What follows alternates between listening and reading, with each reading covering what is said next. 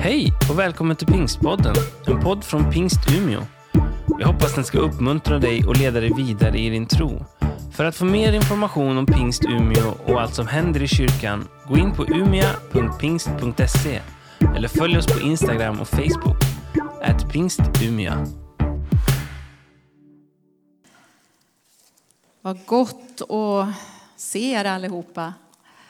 Ehm, den här salmen som vi sjöng, jag vill bara säga det att det är en, en av mina älsklingssalmer.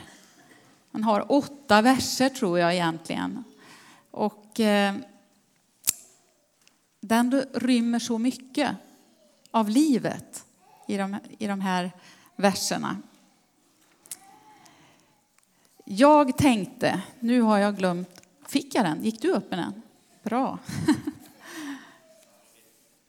Jag tänkte att jag skulle få tala om hoppet, vårt hopp. Och faktiskt så, när jag läste Jag lutar åt Gud med Thomas Sjödin så har han ett kapitel i den boken som är egentligen kröniker som är nedskrivna i den, som heter Hemlängtan. Och då, då tänkte jag, jag tänker att jag ska tala om hemlängtan idag. Och jag tror att de flesta vet hur det känns att känna hemlängtan. Särskilt när man är barn så kan man uppleva det många gånger. Våra barn, när de skulle sova borta, och de var kanske inte så gamla, men de skulle sova över hos kompisar. När den åldern kommer, det vet ni som har barn, att helt plötsligt så kommer en, en fråga om man får sova borta. Och då infinner sig någonting. Det är att tanken kommer i, hos mamma och pappa att ska jag behöva åka och hämta? Eller är det så att de är redo att sova borta? Och det hände ganska ofta att vi fick åka och hämta. Vi fick sätta oss i bilen och förhoppningsvis då var det ju innan vi hade somnat. Men det hände ibland också att det ringde telefonen mitt i natten och så fick man åka iväg. Och så försökte man att förmana och säga, men tänk på det nästa gång nu när ni ska sova borta, att då får ni faktiskt bestämma er. Och sover ni borta så, så måste ni klara, försöka klara att inte längta hem. Men egentligen så är ju hemlängtan någonting positivt. Det är ju ett bevis på att, att det finns någonting, en trygghet finns kanske hos någon annan. Längtan hem till tryggheten hos mamma och pappa som det här var. Och jag har själv barndomsminnen när jag var på läger och så. då kunde man ju vara ganska gammal, i alla fall 12 årsåldern och ändå längtade man hem. Och så ville man inte riktigt visa det där för sina kompisar. Så man fick bära på den här längtan och hemlängtan liksom i lite ja, skymundan, ovisshet. Men så kanske man vågade berätta för någon, för någon ledare som kunde liksom ta upp en i knät fast man var 12 år. Vilken trygghet att få liksom komma i en famn som man kände att ja men jag klarar ju det här. Här känner jag mig trygg. Fortfarande när jag reser iväg hemifrån så kan jag ju känna en hemlängtan. Och nu har det förbytts, nu kanske det inte är hem till min mamma och pappa utan nu är det min man jag längtar till.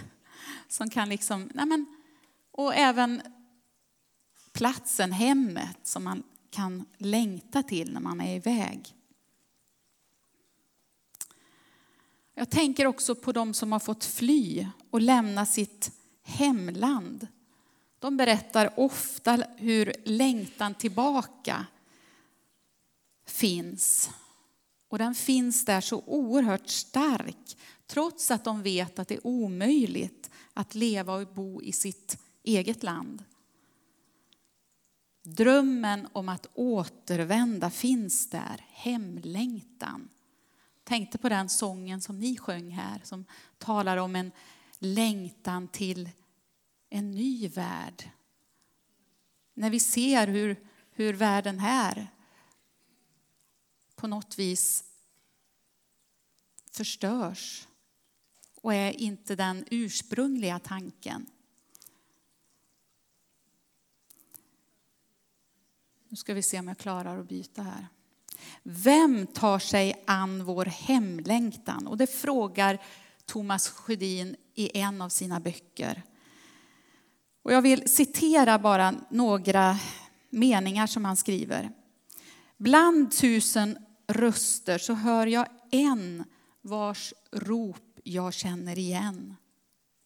Sen är det tyst. Efteråt säger jag mig själv att det var Guds röst. Att jag har hört rätt kan aldrig bevisas. Och det är heller inte meningen. Kvar i bröstet så sitter en klump som kallas tro. Och så beskriver han några saker som en vardagsdetalj. En doft eller ett ärvt bestick kan väcka ett slumrande minne från barndomshemmet till liv. Så minns själen något bekant och längtar dit. Så beskriver Thomas Sjödin. De flesta människor de verkar bära på ett hopp om något mer. Något större än det vi kan se. Vi strävar efter mening i tillvaron. Så försöker vi hitta olika paradis på jorden. Platser och tillfällen som kan fylla våra liv med mening. Bibeln talar om att Gud har skapat oss till sin avbild. Han har lagt ner ett evighetsvärde i varje människa och varje människa är värdefull för Gud. Och vid olika tillfällen så gör alltså tillfällen i livet så gör sig evigheten påmind. Bibeln den talar om att vi har dubbelt medborgarskap, dels i den här tiden, här på jorden, men också ett himmelskt medborgarskap. Här är vi gäster och främlingar. Filipperbrevet 3 och 20 säger att vårt hemland är himlen. Och därifrån väntar vi också den som ska rädda oss, Herren Jesus Kristus. Förr så skrevs det ofta sånger som kallas hemlandssånger. Och jag, jag tror jag snart får sluta säga för, förr, för jag tror att det skrivs också idag nya sånger. Det hörde vi ju här, sånger som sjöngs. Hemlandssånger. Och i en av de sångerna som ofta sjungs vid en sån här helg så beskriver Lydia Littell att hon har hört om ett land utan tårar, utan sorg, utan nöd och utan strider. Och där ingen av sjukdom mer lider. Och hon har inte bara hört, utan hon tänker också att en gång ska jag vara där. En gång så ska jag vara där. I sista versen så skriver hon att hon kan höra den himmelska sången. Och jag tänker att kanske är det lite så som vi hörde här. När liksom vi tog i och sjöng om det hopp som är vårt stora hopp, det kristna hoppet. Och när Lydia beskriver att hon kan höra den himmelska sången, då händer någonting. Då börjar det slita och dra i de här jordiska banden. För att hon vet att hon ska snart vara där. Och jag har upplevt det vid några tillfällen. Jag tycker livet är underbart. Men ibland så gör den här längtan sig påmind. Och ofta kan det vara i närheten av någon som drabbats av sjukdom eller, eller när man möter någon som man förstår lever kanske de sista dagarna i sitt liv. På begravning så kan man också känna det här, hur det drar och sliter i de här jordiska banden. hemlängtan. Lydia hade hört. Hon hade hört om den snövita dräkten, om den himmelska släkten. Och jag tänker, varifrån hade hon hört det? Någon måste ju ha berättat för henne. Och där har ju vi som går i kyrkan, som går till en församling, som lyssnar på förkunnelse, har gått i söndagsskolan. Här har ju vi också hört. Och det blir en påminnelse om det som väntar. Någon måste ha berättat om Johannes syn från Uppenbarelseboken i Bibeln för Lydia. Att ta sig an varandras hemlängtan, det är en utmaning. Och det tänker jag när jag möter patienter och närstående på sjukhuset. När den här längtan kan skymta fram. Och då är det inte alltid att det finns den bakgrunden som jag har, att man är van att gå i kyrkan. Många har gått till söndagsskolan, i alla fall av de äldre. Så de har någonstans en, en kunskap med sig. Jag tänker på när jag mötte en anhörig till en äldre kvinna som hade avlidit. Och personalen ringer och söker efter någon i sjukhuskyrkan. Och jag går dit när jag hade beredskap den dagen. Och så säger personalen till mig, det här var en kvinna som var i min ålder, kanske något äldre, dottern som var där. Att dottern var så oerhört orolig och rädd och otrygg och var så ledsen. Och personalen sa, vi kan vi har inte tid längre att stanna. Kan du komma och sitta hos henne? Och jag tror att hon behöver, vi tror att hon behöver stöd. När vi sitter där så upptäckte jag att det nästan bortglömda kallade. Den här kvinnan hade gått i söndagsskola som barn. Och när hon sitter där och följer sin mamma ända till döden så är det någonting hos henne som gör sig påmind.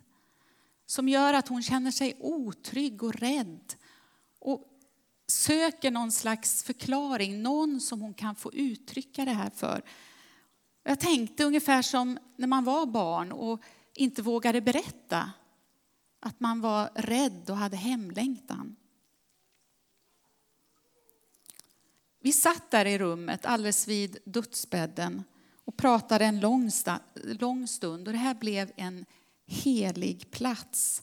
Efter ett tag så kunde man nästan påtagligt känna hur friden sänkte sig i rummet, i den här sjuksalen. Så frågade jag den här dottern till slut om hon ville att jag skulle läsa några bibelord och be en bön. Och det ville hon. Och då fick jag läsa psalm 23. Herren är min herde. Johannes 14 och 1. Känn ingen oro, tro på Gud och tro på mig, säger Jesus.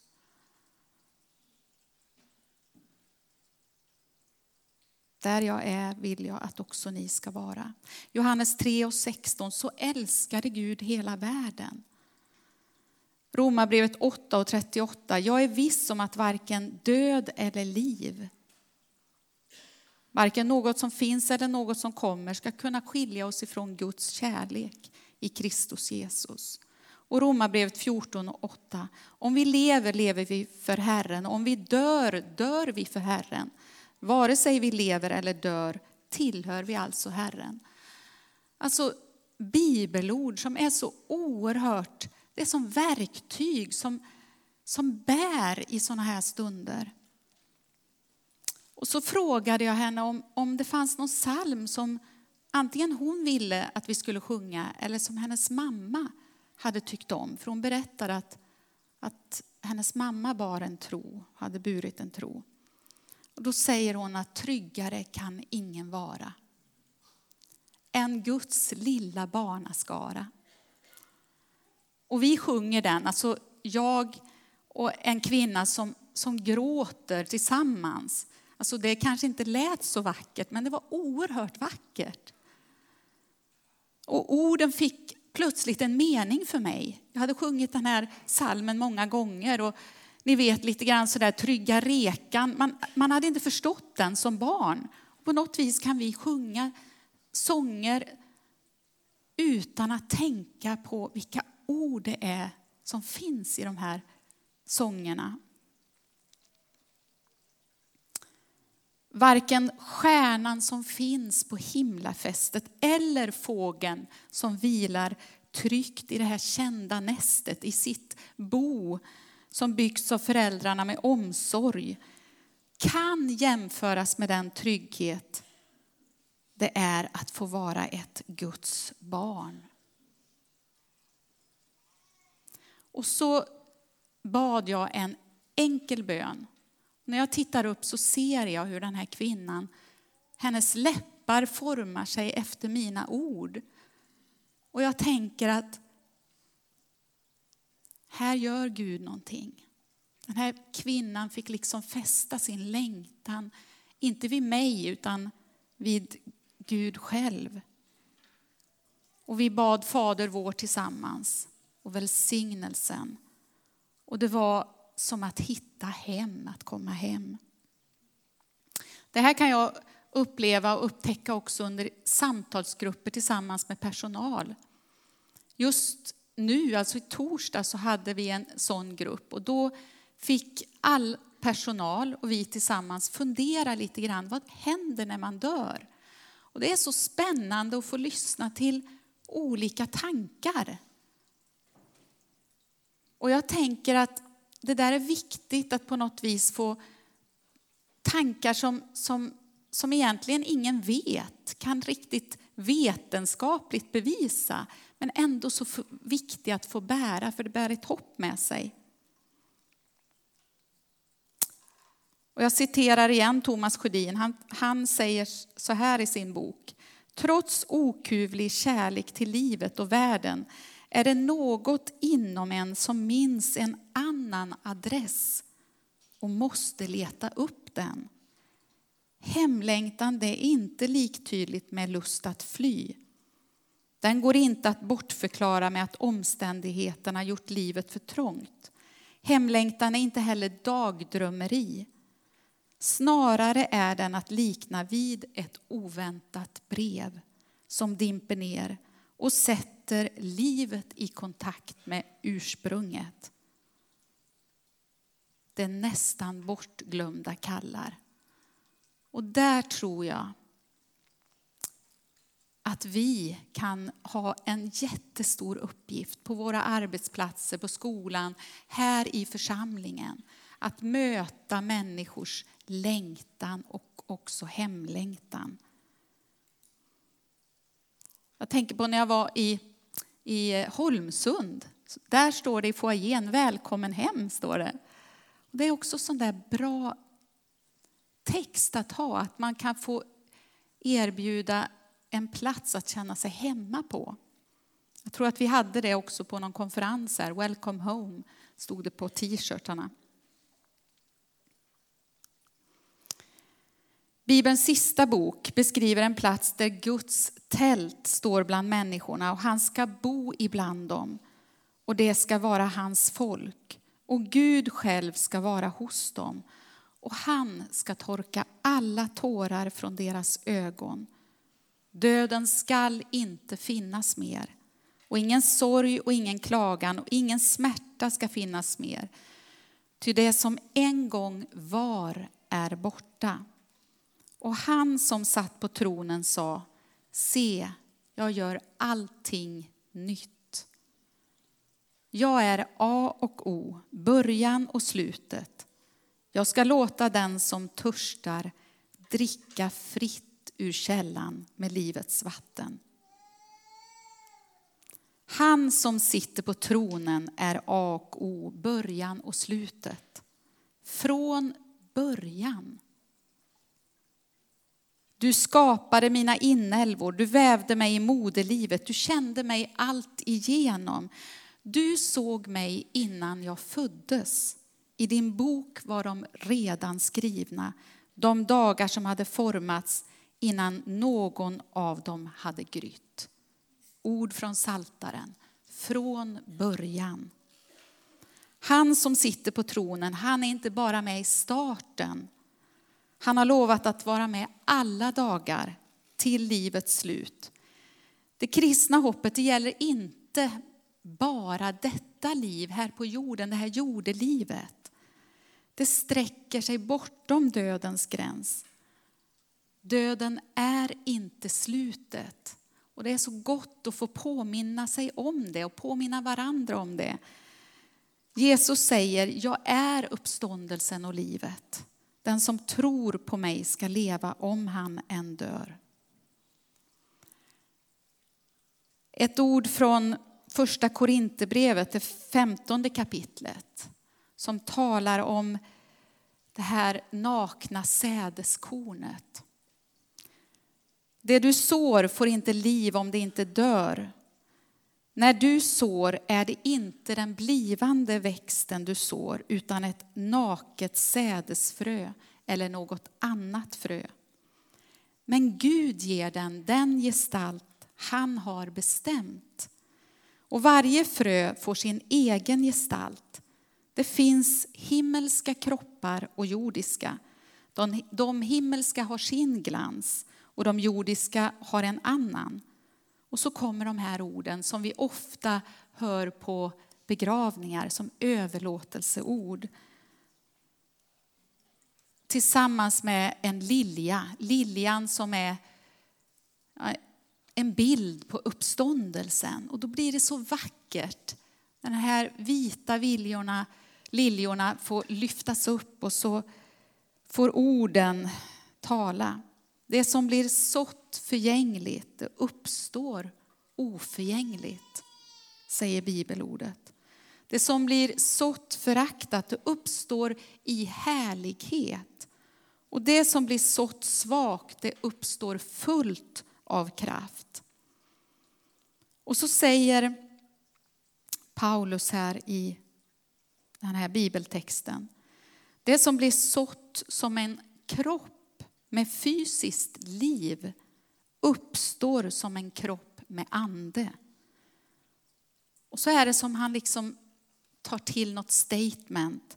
Finns det en kropp med fysiskt liv så finns det också en med ande.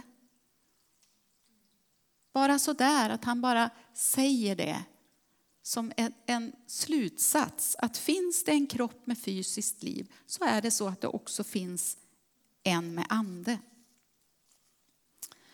Och det finns ett samband mellan människans jordiska liv och den blivande växten.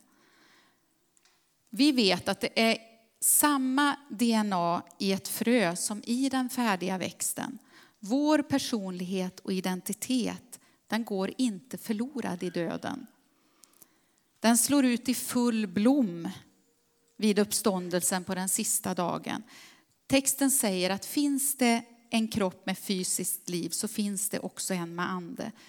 Och det fysiska och det andliga. Vi lever ofta som att dessa bägge går liksom inte att kombinera med varandra. Att de är varandras motsatser. Men det går att kombinera. Vår längtan att hitta hem, det har med vårt ursprung att göra. Ända sedan skapelsen så har vi också Guds DNA i oss. Så på frågan vem som kan ta sig an vår hemlängtan så blir svaret att det är Jesus Kristus som kan göra det bäst. Och kanske är det också därför som så många som berättar, som har tagit emot Jesus Kristus som sin frälsare, att det är som att komma hem. Den känslan av att få, ta, liksom få möta Jesus, det är som att komma hem. Jesus säger, jag är livets bröd. Den som kommer till mig ska aldrig hungra och den som tror på mig ska aldrig någonsin törsta. Den som kommer till mig ska jag aldrig någonsin visa bort. Att komma till Jesus, det är som att komma hem. Att komma till Jesus, det är som att komma hem. Han säger, känn ingen oro. Tro på Gud. Tro på mig. Där jag är vill jag också att ni ska vara. Det eviga livet, det handlar om gemenskap med Jesus Kristus. Så därför så börjar det eviga livet redan här och nu på jorden. Jesus säger, jag är uppståndelsen och livet. Den som tror på mig skall aldrig någonsin dö. Den som tror på mig ska leva om han än dör. Detta, mina vänner, det är vårt stora hopp. Vårt evighetshopp. Den som bäst kan ta sig an vår hemlängtan, det är Jesus Kristus.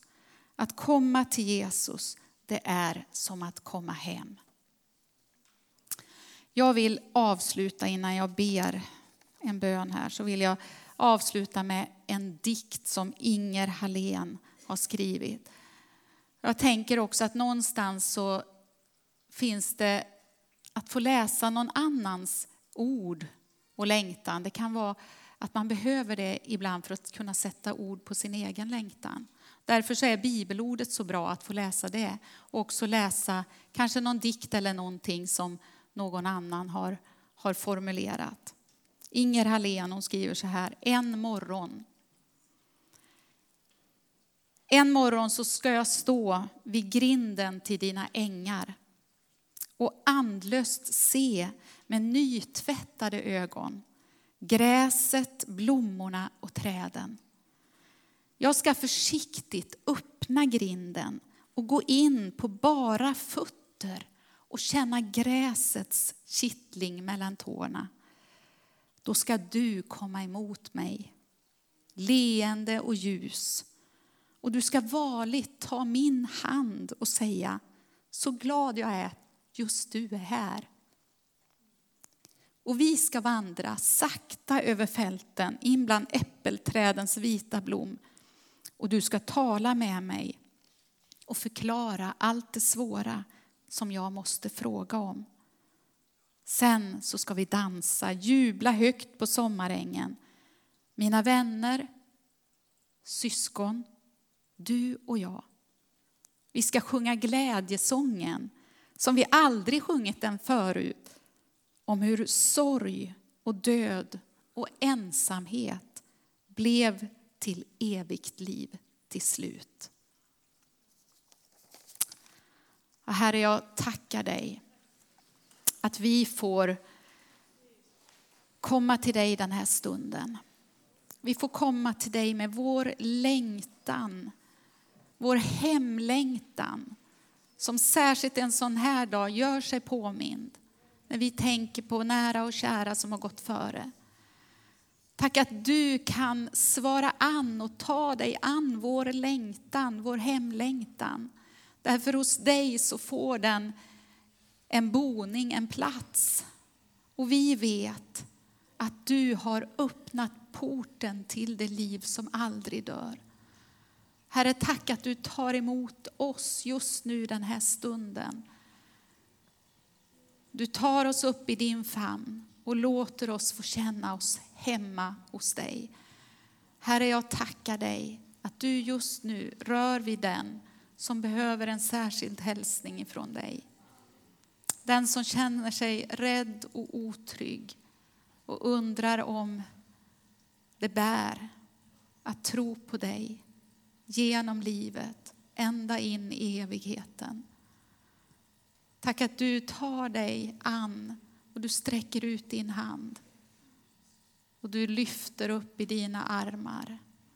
Herre, vi kommer inför dig och tackar dig för det eviga livet. Hoppet som finns i tron på dig. Amen.